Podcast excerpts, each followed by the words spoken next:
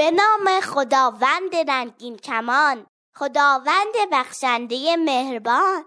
سلام بچه ها می‌خوام براتون شعر بانگ توحید رو بخونم. پیش از طلوع خورشید وقتی سپید سر زد وقتی پرنده شب از بام خانه پر زد از بام خانه پر زد. برخواستم من از خواب. رفتم وضو گرفتم دست دعا گشودم یاری از او گرفتم. از پشت بام مسجد برخواست بانگ توحید.